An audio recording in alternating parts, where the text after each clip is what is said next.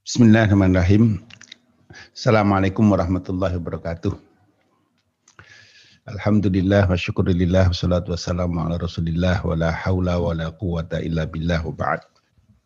Bapak Ibu yang saya hormati, untuk pagi hari ini kita akan membaca tafsir surat Hud, surat ke-11, ayat ke-12 sampai ayat ke-14.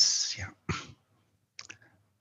Nah, rujukan kita adalah tafsir Al-Munir yang ditulis oleh Syekh Wahbah Az-Zuhaili. Dalam beberapa hal jika diperlukan saya kutipkan dari beberapa tafsir yang lain. Mutalabatu musyriki Makkah biingzali kanzin au matsi imalakin ma'an Nabi sallallahu alaihi wasallam wa tahaddihim bil Qur'an. Jadi permintaan orang-orang musyrik Mekah untuk Allah menurunkan harta, harta karun, ya, harta yang banyak yang diperoleh dengan tiba-tiba, itu kan zun.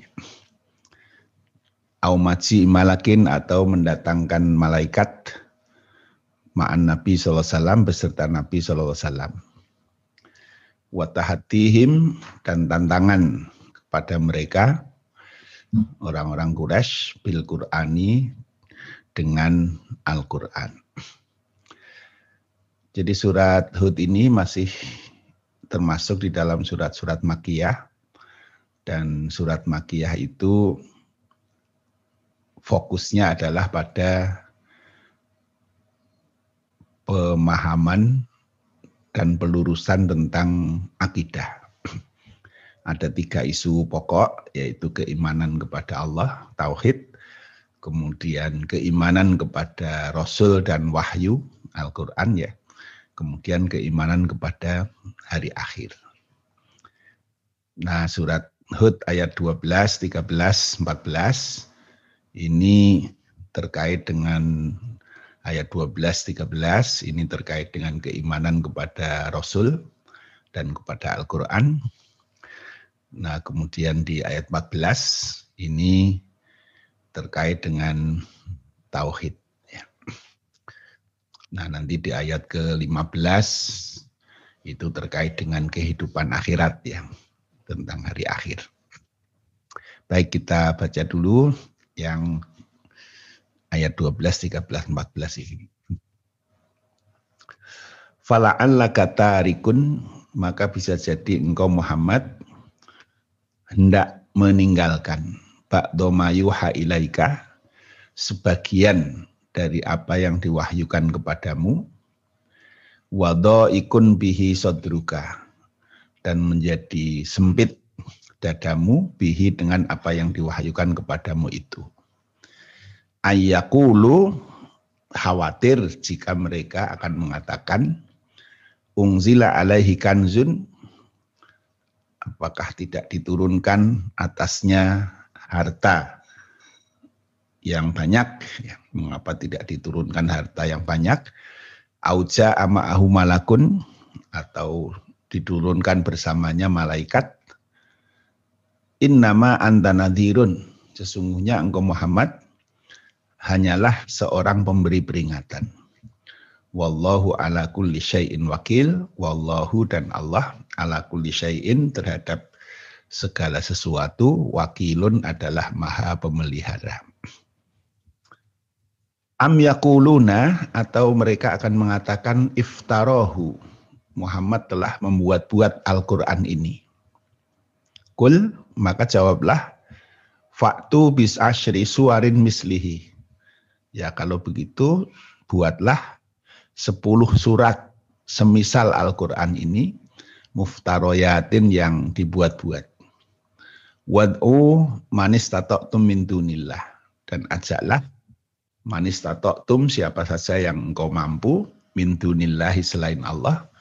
In kuntum sotikina jika kalian adalah orang-orang yang benar benar di dalam tuduhan terhadap Al-Quran itu bahwa dia adalah buatan Muhammad.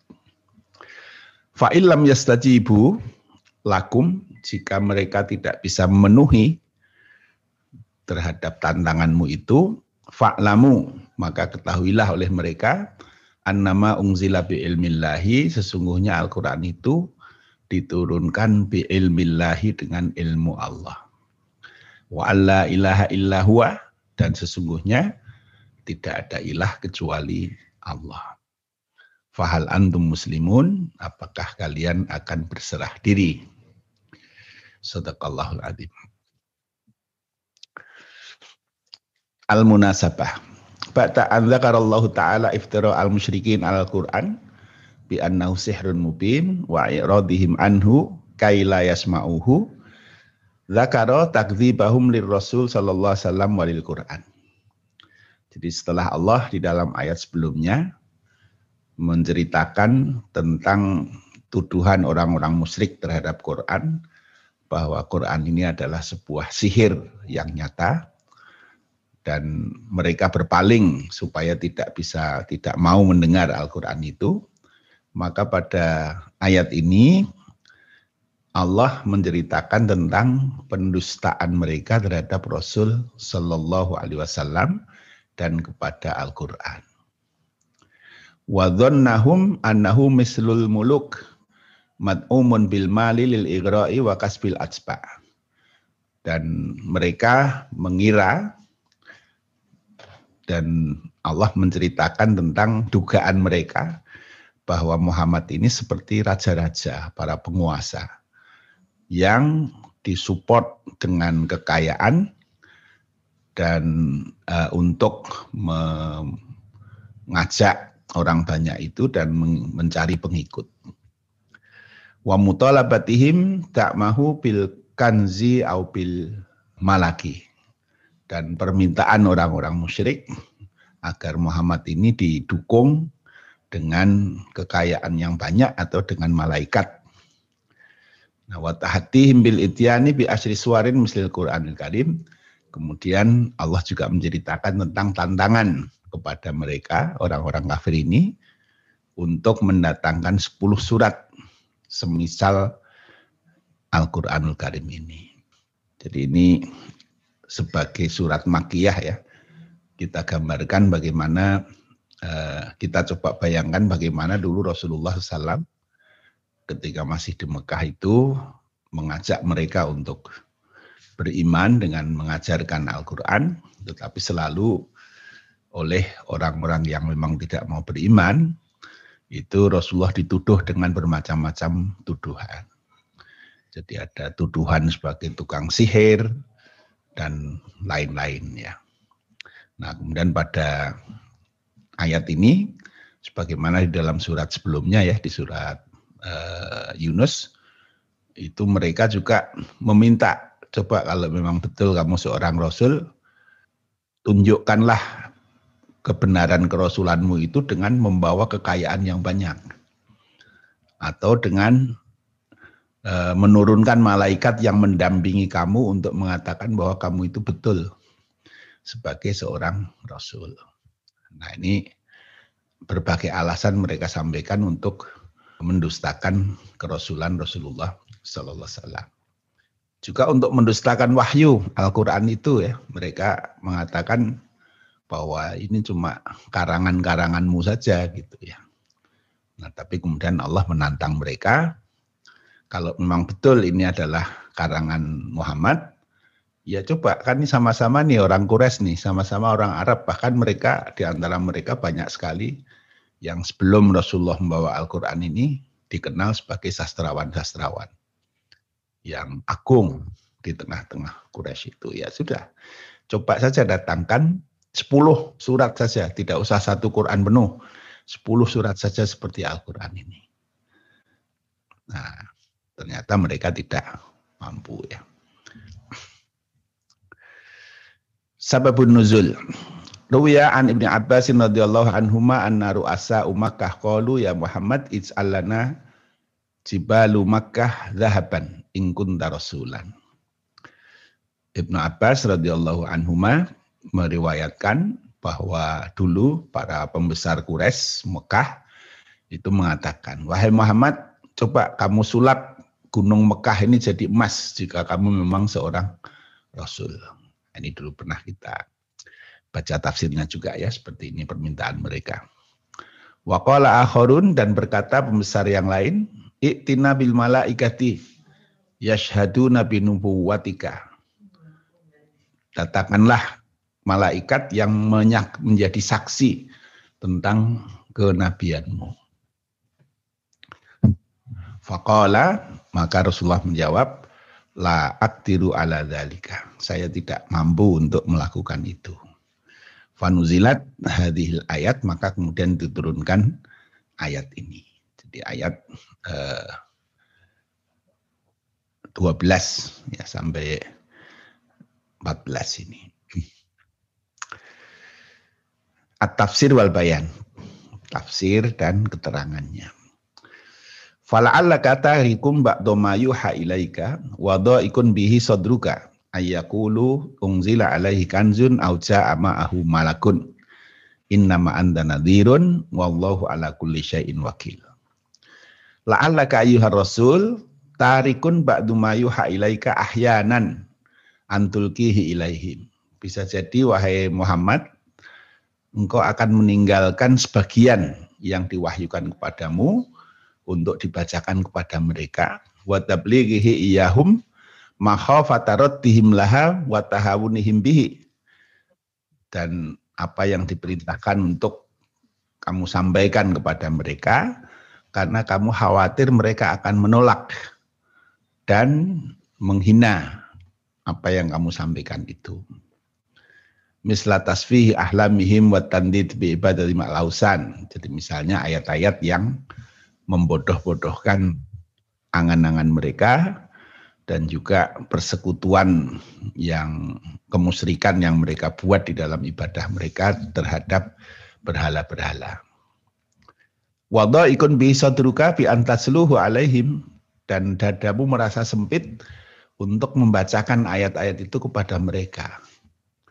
Jadi Nabi Rasulullah sebagai seorang manusia ketika diberi wahyu kadang-kadang beliau juga merasa wah ini berat untuk disampaikan ini karena kemungkinan akan direspon secara negatif oleh oleh mereka itu gitu. Nah, dan pengalaman itu sudah banyak. Rasulullah sudah mengalami hal-hal yang seperti itu. Jadi ayakulu ungzila alaihi kanzun atau kamu khawatir mereka akan mengatakan coba turunkanlah kekayaan yang banyak wal murad bi hadza al istifham ingkari an nafyu aw an nahyu ay la tatruk syai'an mimma auhayna ilaika min tablighihil musyrikin wa ghairihim jadi fala alla katarikun ba'da ma yuha ilaika ini memiliki makna kamu jangan sekali-kali meninggalkan sesuatu yang diwahyukan kepadamu karena merasa sempit dada ya untuk menyampaikan ayat-ayat itu kepada mereka gitu ya. Wala tatadayak min tilawatihi alaihim dan jangan merasa sempit dadamu ketika kamu harus membacakan kepada mereka itu. Wa yaksudu min dzalika al-mubalaghatu fit tahdhir wa adamil mubalah fi kalimatihim al-fasidah. Takitan ala tablighin kamilil wahyi sawaun radiyan nas au ghadibu li anna mujamalatahum ghairu mufidatin. Jadi ayat ini e, merupakan satu peringatan yang keras kepada Rasulullah untuk mengabaikan saja ungkapan-ungkapan orang-orang Quraisy yang tidak betul itu. Nah, supaya Rasulullah tetap menyampaikan wahyu itu secara utuh. Baik orang-orang Quraisy itu ridho menerima terhadap wahyu itu atau mereka tidak suka dengan wahyu itu. Lianna mujamalatahum ghairu mufidatin karena mujamalah dengan mereka itu tidak ada gunanya. Jadi mujamalah itu berbahasa basi gitu ya. Jadi tidak menyampaikan sesuatu kebenaran secara tegas. Nah karena uh, rikoh, wikah wikih begitu ya. Nah itu tidak ada gunanya. Jadi Allah mengingatkan Rasulullah untuk menghilangkan sikap manusiawinya yang kadang-kadang berpikir seperti itu. Ya. Jadi supaya ketika Allah sudah mewahyukan sesuatu kepada Rasulullah, ya Allah lebih tahu kapan sesuatu akan disampaikan dan harus disampaikan kepada umat manusia termasuk orang-orang Quraisy saat itu ya. Ya sampaikan saja. Kamu tidak usah berpikir terlalu dalam. Ini nanti kalau saya sampaikan akan begini, akan begini, akan begini. Nah, itu tidak perlu begitu. Karena apa? Karena Allah sudah menetapkan bahwa ini harus disampaikan sekarang, maka Allah turunkan ayat itu. Walaya di hadza wuqu'ul manhi anhu rasul min taksir awil khiyanah fil wahyi. Ini bukan berarti bahwa Rasulullah itu pernah melakukan seperti itu, ya, karena tidak mungkin Rasulullah melakukan itu karena sifat kemaksuman Rasul dari kekurangan-kekurangan apalagi pengkhianatan terhadap wahyu. Fakat asma'al muslimuna la annahu la yajuzu ala Rasul alaihi salatu wassalam ayyahuna fil wahyi wa tanzil wa ajruka ba'du ma. Dan seluruh orang muslimun, kita umat ini bersepakat bahwa tidak mungkin Rasulullah SAW itu berkhianat terhadap wahyu. Maksudnya ada wahyu yang tidak disampaikan, disimpan sendiri dengan pertimbangan-pertimbangan tertentu begitu ya. Tidak mungkin itu terjadi. Jadi ayat ini, ayat ini pun ya, ini kan teguran terhadap Rasulullah SAW. Itu disampaikan oleh Rasulullah kepada umatnya ya, kepada mereka gitu. Dan itu menunjukkan eh, bagaimana kejujuran Rasulullah terhadap segala apa yang dia terima untuk disampaikan. Nah, ini sifat amanahnya ya ayakulu unzila alaihi kanzun. Ay la tatadayak li asli ayakulu au karahatan ayakulu. Laula ay halla unzila alaihi kanzun min indi rabbih yughnihi an tijarati wal kasbi. Wa ala sidkihi jadi kamu khawatir kalau mereka akan mengatakan jadi kamu tidak senang kalau mereka mengatakan kenapa Allah tidak menurunkan kekayaan yang banyak Nah, sehingga dia tidak perlu berdagang, tidak perlu bekerja, dan itu menunjukkan kebenaran dia sebagai seorang nabi yang didukung oleh Allah dengan kekayaan, dengan harta yang banyak. Nah, ini ucapan orang-orang Quraisy ya. Wal qail Abdullah bin Ubay bin Abi Umayyah Ibnu Mughirah Al-Mahzubi. Nah, yang mengatakan itu adalah Abdullah bin Abi Umayyah bin Al-Mughirah Al-Mahzubi. Au yang zilu ma'aka malakun minas sama'i yu'ayyidu da'watahu. Atau mereka mengatakan Allah turunkan bersamanya malaikat dari langit yang akan menguatkan dakwahnya. Ini sebagaimana di surat Al-Furqan, surat 25 ayat 7 sampai 8 ya. Wa qalu ma hadza ma li hadzal rasul ya'kulu ta'am. Mereka mengatakan kenapa ini Rasul kak makannya makanan juga. Wayam sifil aswak. Dan dia masih berjalan di pasar-pasar. Maksudnya masih bekerja. Ungzila alaihi malakun. Fayakuna ma'ahu nadhiro. Kenapa tidak diturunkan kepadanya seorang malaikat yang menemani dia untuk memberi peringatan. Auyul ilahi kanzun. Atau diberikan kepadanya harta yang banyak oleh Allah. Autakuna lahu jannatun ya'kulu minha atau dia punya kebun yang uh, subur yang dia makan dari kebun itu. Wa in rasulan mahsura mashura. Dan orang-orang zalim itu mengatakan kalian tidak mengikuti kecuali seorang laki-laki yang terkena sihir ya. Ini orang laki-laki yang kena sihir gitu. Nah itu mereka begitu. Jadi orang-orang Quraisy ini sebagai alasan untuk menolak kebenaran kerasulan Rasulullah sallallahu alaihi wasallam itu. Fahada irsyadun min Allah taala li li nabiyhi alla yudayyika sadrahu bitablighil wahyi wa risalah. Jadi ayat ini merupakan petunjuk dari Allah taala kepada nabinya untuk dia tidak merasa sempit dada untuk menyampaikan wahyu dan risalah yang beliau bawa itu. Wa alla yasnihi syai'un an da'watihim ilallahi ana alail wa atrafan nahar. Dan supaya dia tidak terganggu oleh apa pun di dalam dakwahnya kepada Allah, mengajak kepada Allah baik di malam hari maupun di siang hari. Sebagaimana Allah Ta'ala uh, di surat Al-Hijr surat 15 ayat 97 mengatakan walaqad na'lamu annaka yudiku sadruka bima yakulun. Jadi sungguh kami ketahui Allah mengetahui bahwa engkau sempit dadamu bima yakulun dengan apa yang mereka katakan. Jadi yadi kusadruka ini arti kiasan ya. Jadi kayak sempit dada itu maksudnya sesek. Dadanya nyesek gitu kalau mendengar ucapan-ucapan yang diberikan oleh orang-orang Quraisy yang menentang kerasulan Rasulullah SAW itu. Nggak enak ya kalau dengar itu ya. Jadi kalau sesek ini sekarang ini lagi musim sesek ya, yang saudara-saudara kita yang terkena COVID, yang mudah-mudahan Allah menyembuhkan mereka ya. Jadi salah satu tandanya itu atau salah satu gejalanya kadang-kadang mengalami yudi kusadruka tapi dalam posisi yang sebenarnya jadi sesek karena saturasinya turun ya. Alveolusnya sudah terganggu oleh eh, dampak dari virus. Nah sehingga penyerapan oksigennya menjadi menurun. Nah, ini yadi kusodruka nah itu kalau dohirnya begitu. Nah tapi yang dialami Rasulullah bukan itu. Yang dialami Rasulullah itu sesek secara moral ya ketika eh, beliau menghadapi tantangan-tantangan yang eh, begitu berat, baik berupa ucapan-ucapan maupun tindakan-tindakan orang-orang Quraisy dalam menentang kerasulan Rasulullah Sallallahu Alaihi Wasallam. Semua Allah Taala muhimmatan nabiyhi. Kemudian di akhir ayat ini Allah menegaskan tentang tugas Nabi Innama anta nadhirun. Sesungguhnya engkau hanyalah seorang pemberi peringatan.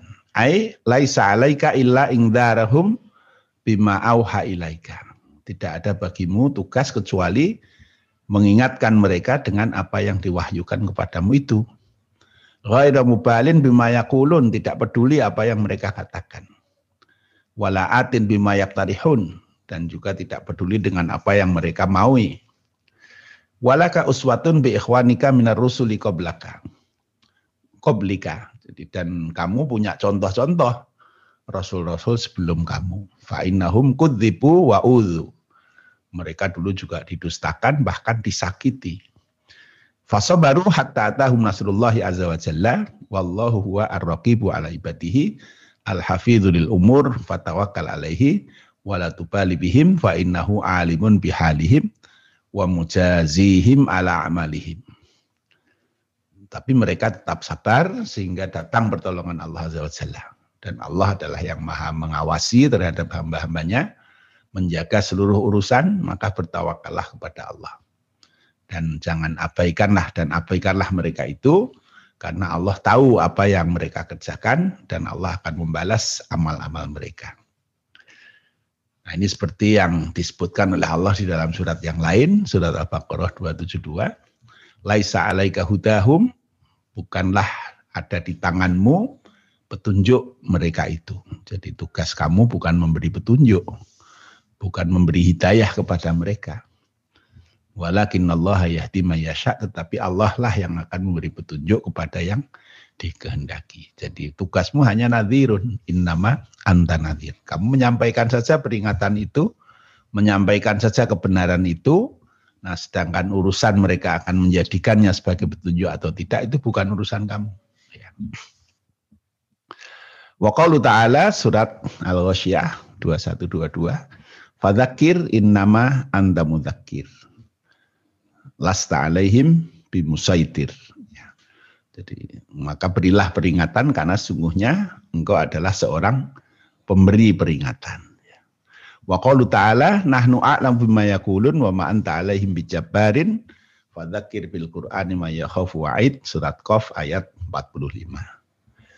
Nahnu a'lam bima yaqulun kami lebih mengetahui apa yang mereka katakan wa ma anta 'alaihim bijabbarin dan engkau bukanlah orang yang bisa memaksa mereka Fadzakir bil Qur'ani mayyakhafu wa'id, maka berilah peringatan dengan Quran ini orang-orang yang memiliki rasa takut terhadap ancaman-ancamanku.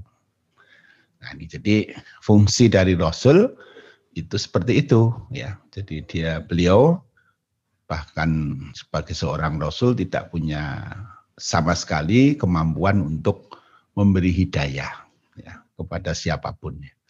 Jadi Rasul itu tugasnya hanya menyampaikan apa yang diajarkan oleh Allah untuk disampaikan kepada mereka, sedangkan sikap mereka terhadap petunjuk-petunjuk yang dibawa oleh Rasul itu ya kembali kepada mereka masing-masing. Nah, demikian juga para dai ya, para dai, orang-orang yang berdakwah mengajak orang kepada Islam, kepada kebaikan, kepada kebenaran.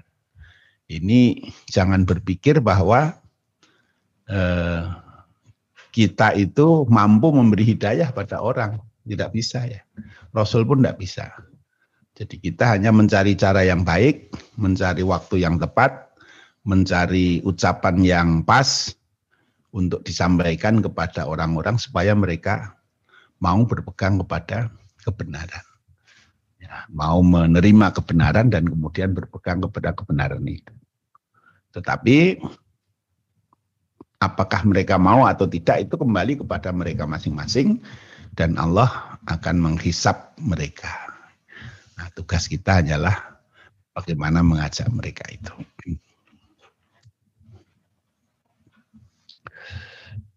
Am yakulu naftarahu kul fa'tu bi asyri suwarin mislihi muftaroyatin wa uman min dunillahi sadiqin.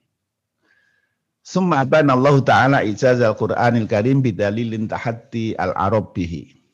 Kemudian Allah menjelaskan, menunjukkan secara jelas tentang kemukjizatan Al-Quran.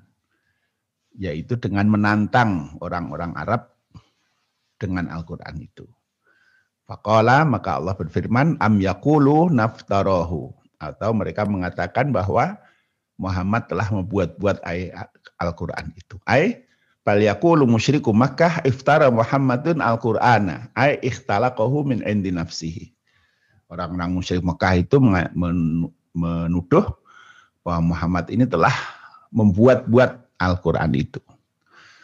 Fa in kana ma yaz'amuna sahihan falyatu bi asyri suwarin mislihi muftarayatin tadara'ahu fi al-fasahah wal balaghah wa itqanil ahkam wa tashri'at fi syu'unil hayatil mukhtalifah min siyasatin wa istima'in wa iktisatin wa nidhami ta'amulin wal ikhbar bi qasasil anbiya wal ghaibiyat wa hum ahlu sabaq fil bayan wa tafawwuq fi malakatil lisan.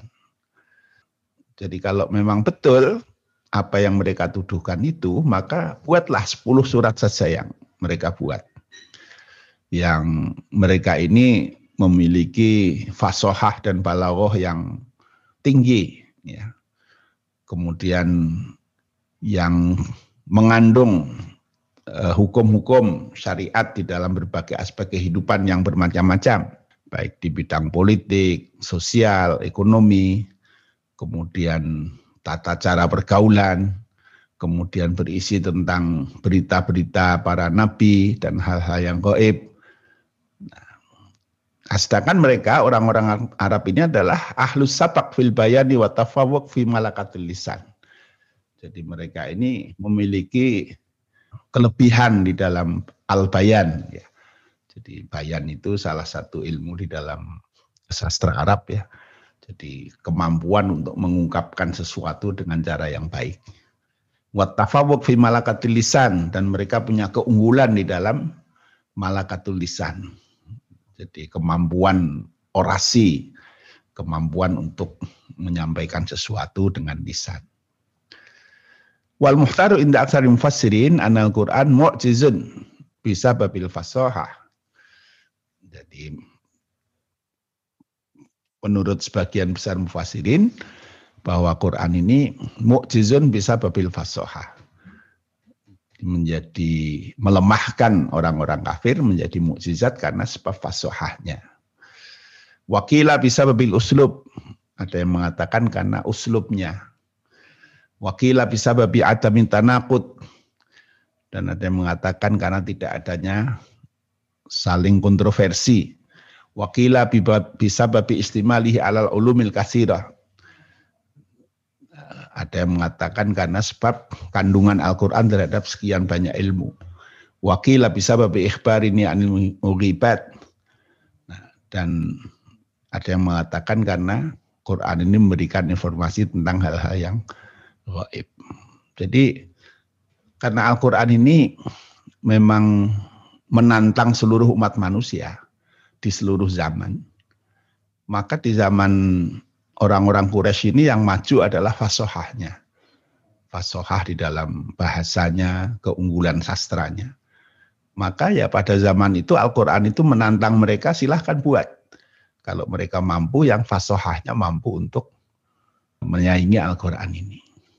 Atau uslubnya, jadi uslub di dalam bahasanya. Jadi gaya gaya bahasanya seperti apa ini tantangan-tantangan secara sastra ya kemudian kontennya ya biadami tanakut jadi Quran yang sekian banyak ini ternyata tidak ada satupun ayat dengan ayat yang lain yang saling bertentangan, saling berbeda-beda. Nah ini sampai zaman kapan pun ini tantangannya tetap berlaku ya. Sehingga carilah kalau memang ada di dalam Al-Quran itu ayat-ayat yang saling bertentangan. Nah ini kalau kita bandingkan dengan misalnya kitab suci yang lain yang sekarang masih ada ya. Misalnya di Bible ya. Nah di situ orang-orang tokoh-tokoh mereka pun mengakui terdapat sekian banyak pertentangan dari Bible yang sekarang ini ada ya. Bahkan di dalam satu Bible saja saling bertentangan. Belum lagi Bible satu dengan Bible yang lain. Sampai ada tokoh pendeta di Amerika itu ya, dokter di teologi Kristen itu mengatakan bahwa kalau saya kumpulkan jumlah kata yang saling bertentangan di dalam Bible ini mungkin lebih banyak daripada jumlah kata di dalam Bible itu sendiri. Nah, ini ungkapan beliau begitu ya. Ini ya beliau sebagai seorang Kristen, pengajar di di bidang teologi dan beliau melakukan pendalaman yang serius terhadap Bible dan beliau punya kesimpulan Bible ini susah untuk di dipertemukan satu dengan yang lain karena begitu banyaknya kontradiksi yang saling uh, ada di dalam Bible, baik Bible dalam satu Bible maupun apalagi di antara beberapa Bible yang diakui oleh mereka. Nah ini, nah Quran sama sekali tidak ada. Bahkan Allah mengatakan, walau kana min indi ghairillah lawajadu fihi ikhtilafan kasiro. Kalau Quran ini berasal dari selain Allah, maksudnya dikarang-karang ya, apakah oleh Rasulullah, apakah oleh sahabat-sahabat, apakah oleh siapa begitu ya. Lawa jatuh fihi ikhtilafan kasiro. Maka sungguh mereka akan dengan mudah menemukan pertentangan-pertentangan, kontradiksi-kontradiksi yang banyak di dalam Al-Quran itu. Tetapi sampai hari ini tidak ada satupun orang yang bisa menunjukkan adanya pertentangan di dalam Al-Quran itu. Padahal Quran turun selama 23 tahun ya, lama itu. Dan turunnya pun tidak urut. Kadang di depan, kadang di belakang, kadang taruh di tengah, kadang di mana. Tetapi sekian waktu yang panjang dan sekian kali turun, nah dengan tempat yang berubah-ubah dari depan, dari belakang, tengah, dan seterusnya. Tetapi begitu utuh, satu pun tidak terdapat sesuatu yang bertentangan. Nah ini bagian dari kemukjizatan Al-Quran itu. Ya, yang membuat orang, sebagian orang menjadi yakin dengan Quran karena faktor ini.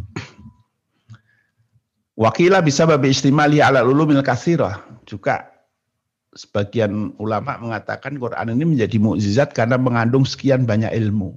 Nah ini sudah dibuktikan ya, sekian banyak ilmu. Ilmu di bidang biologi, ilmu di bidang geologi, ilmu di bidang uh, macam-macam lah ya, ilmu sosial, ilmu alam dan seterusnya. Dan ini kemukjizatan Al-Quran di bidang sains, teknologi ini luar biasa di semakin hari semakin ditemukan orang ya sesuatu yang pada saat Quran itu diturunkan tidak mungkin orang sudah punya pemahaman pengetahuan seperti itu.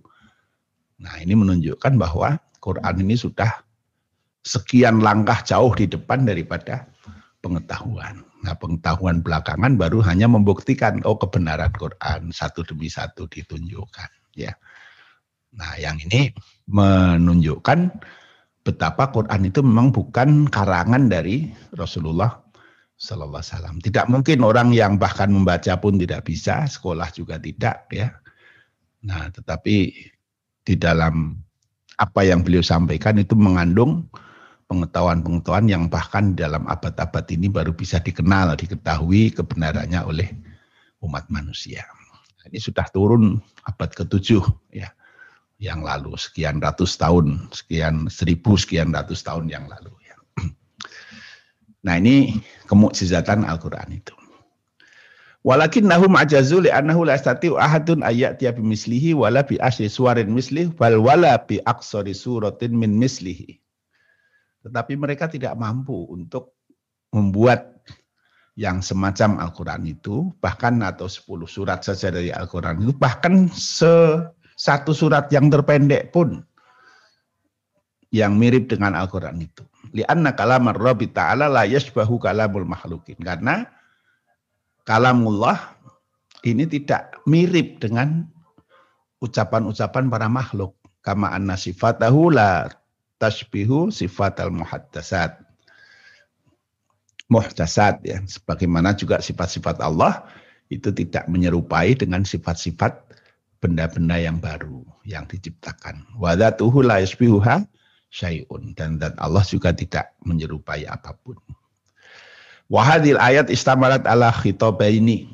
Khitaban khitaban Rasul sallallahu biqauli ta'ala kul fa'tu bisuratin wa khitabul kufar biqaulihi wat'u manistatatum. Jadi ayat ini mengandung dua alamat pembicaraan. Yang pertama adalah kepada Rasulullah yaitu kul fa'tu bi sualin mislihi muftariyatin. Ini kepada Rasulullah, katakan pada mereka untuk mereka datangkan 10 surat. Kemudian kepada orang kafir, Wat'u manistata'tum min dunillah. Ajaklah siapa pun yang kamu mau selain Allah SWT. Jika memang kamu benar dengan tuduhan itu. Ya. Fa'ilam yastajibu lakum fa'lamu annama unzila bi ilmillahi wa la ilaha illa huwa fa'alatum muslimun. Summa qala ta'ala ba'da hadha tahatti fa'ilam yastajibu lakum ay fa'ilam ya'tu bi mu'aradati ma ta'autumuhum ilaihi fa'lamu annahum ajizuna an dzalika wa anal qur'an nuzila min indillah wa bima la ya'lamuhu illallah min nudhamin mu'jizin lil khalqi wa ikhbarin bi ghuyubin la sabila lahum ilaihi wa tashri'in bi amrihi wa nahyi la yablughuna mustawahu ya. Kemudian Allah mengatakan setelah tantangan itu jadi Allah menantang mereka tetapi karena Allah tahu tidak akan mereka mampu maka langsung dijawab sendiri oleh Allah. Fa'ilam yastajibu lakum jika kalian tidak mampu memenuhi tantangan itu, maka jadi fa'ilam ya'tu bi mu'aradati ma ta'utumuhum ilaihi. Jadi kalau kamu tidak mampu menyajikan apa yang ditawarkan kepadamu, fa'lamu annahum ajizuna andalika. Ketahuilah bahwa mereka tidak akan mampu untuk melakukan itu. Wa annal Qur'an nuzila min indillah Ketahuilah bahwa Quran itu diturunkan dari Allah wa bima la ya'lamuhu illallahu min nudhamin mu'jizin lil halqi dan dengan sesuatu yang tidak diketahui kecuali oleh Allah dari nizam ya mu'jizin lil halqi susunan-susunan yang menjadi melemahkan terhadap makhluk wa ikhbarin bi ghuyubin la sabila lahum ilaihi dan memberitahu tentang hal-hal yang gaib yang makhluk itu tidak ada jalan untuk bisa mengetahuinya. Wa tasri'in bi amrihi wa nahyihi la mustawahu dan membuat aturan-aturan dengan perintah dan larangannya yang makhluk ini tidak akan mampu sampai pada level itu. Ya. Wa'lamu annahu la ilaha maujudun wa ma'budun bihaqqin illallah azza wa jalla. Dan ketahuilah Sesungguhnya tidak ada ilah yang ada yang disembah dengan benar kecuali hanya Allah Azza wa Jalla. Jadi ini mereka ditantang di depan mereka. Ya sudah kalau memang kamu betul menuduh ini karangan Muhammad ya, ya sudah kamu sekarang buat saja. Toh kamu juga ahli dalam bahasa gitu ya. Nah, kalau kamu ternyata tidak mampu ya, bahkan disuruh bekerja sama dengan siapa pun yang Anda bisa, silahkan. Nah, nah kalau ternyata kamu tidak mampu, maka akuilah bahwa Quran ini memang turun dari Allah SWT. Dan bahwa Allah itu adalah satu-satunya zat yang selayaknya dipatuhi dan ditaati di dalam hidup ini. Tidak ada ilah kecuali dia. Fahal antum ba'da qiyamil hujjatil qati'ati ala nahu ayil Qur'an min indillahi muslimuna mu'minuna billahi wa bihadzal Qur'an apakah setelah jelas hujjah yang pasti bahwa Quran ini adalah sesuatu yang berasal dari Allah kamu kemudian mau tunduk patuh beriman kepada Allah dan percaya kepada Quran ini. Wa bima tadammanahu min aqaitin wa wa'tin wa wa'itin wa akhlaqin wa adabin wa nidhamin syamilinil hayah. Dan juga terhadap kandungan Al-Qur'an ini yang berupa akidah-akidah janji-janji, ancaman-ancaman, akhlak, adab, kemudian tata cara kehidupan yang sempurna untuk seluruh aspek hidup kita. Wahada itu lu annal khitab lil kufar. Ini menunjukkan bahwa uh, ungkapan ini dialamatkan kepada orang-orang kafir. Fa ingkan al khitab lil muslimin fa ma'nau fal antum mukhlisun. Nah, kalau kepada orang muslim mestinya fahal antum mukhlisun ya. Wa makna hadza annahu ba'da dhuhuri dalil al-qati ala sidqin Nabi sallallahu wa sidqil Qur'an yakunu kufruhum mujarratu inatin wa iratin wa istikbarin. Nah, ini menunjukkan bahwa setelah terdapat bukti yang begitu kuat tentang kebenaran Nabi dan kebenaran Al-Quran ini, maka sesungguhnya penolakan mereka terhadap Al-Quran ini hanyalah karena inat, penentangan, wa'irat, keberpalingan, wa istighbar, dan kesombongan. Nah itulah, jadi orang-orang itu kalau mau kafir ya kafir aja. Jadi mereka walaupun melihat bukti kebenaran Quran, bukti kebenaran Rasul, ya bukti kebenaran ajaran-ajaran Islam, tetapi toh sekian banyak orang yang memiliki keyakinan terhadap kebenaran itu juga tidak mau beriman, ya, ya karena memang mereka memilih untuk kafir, ya begitu.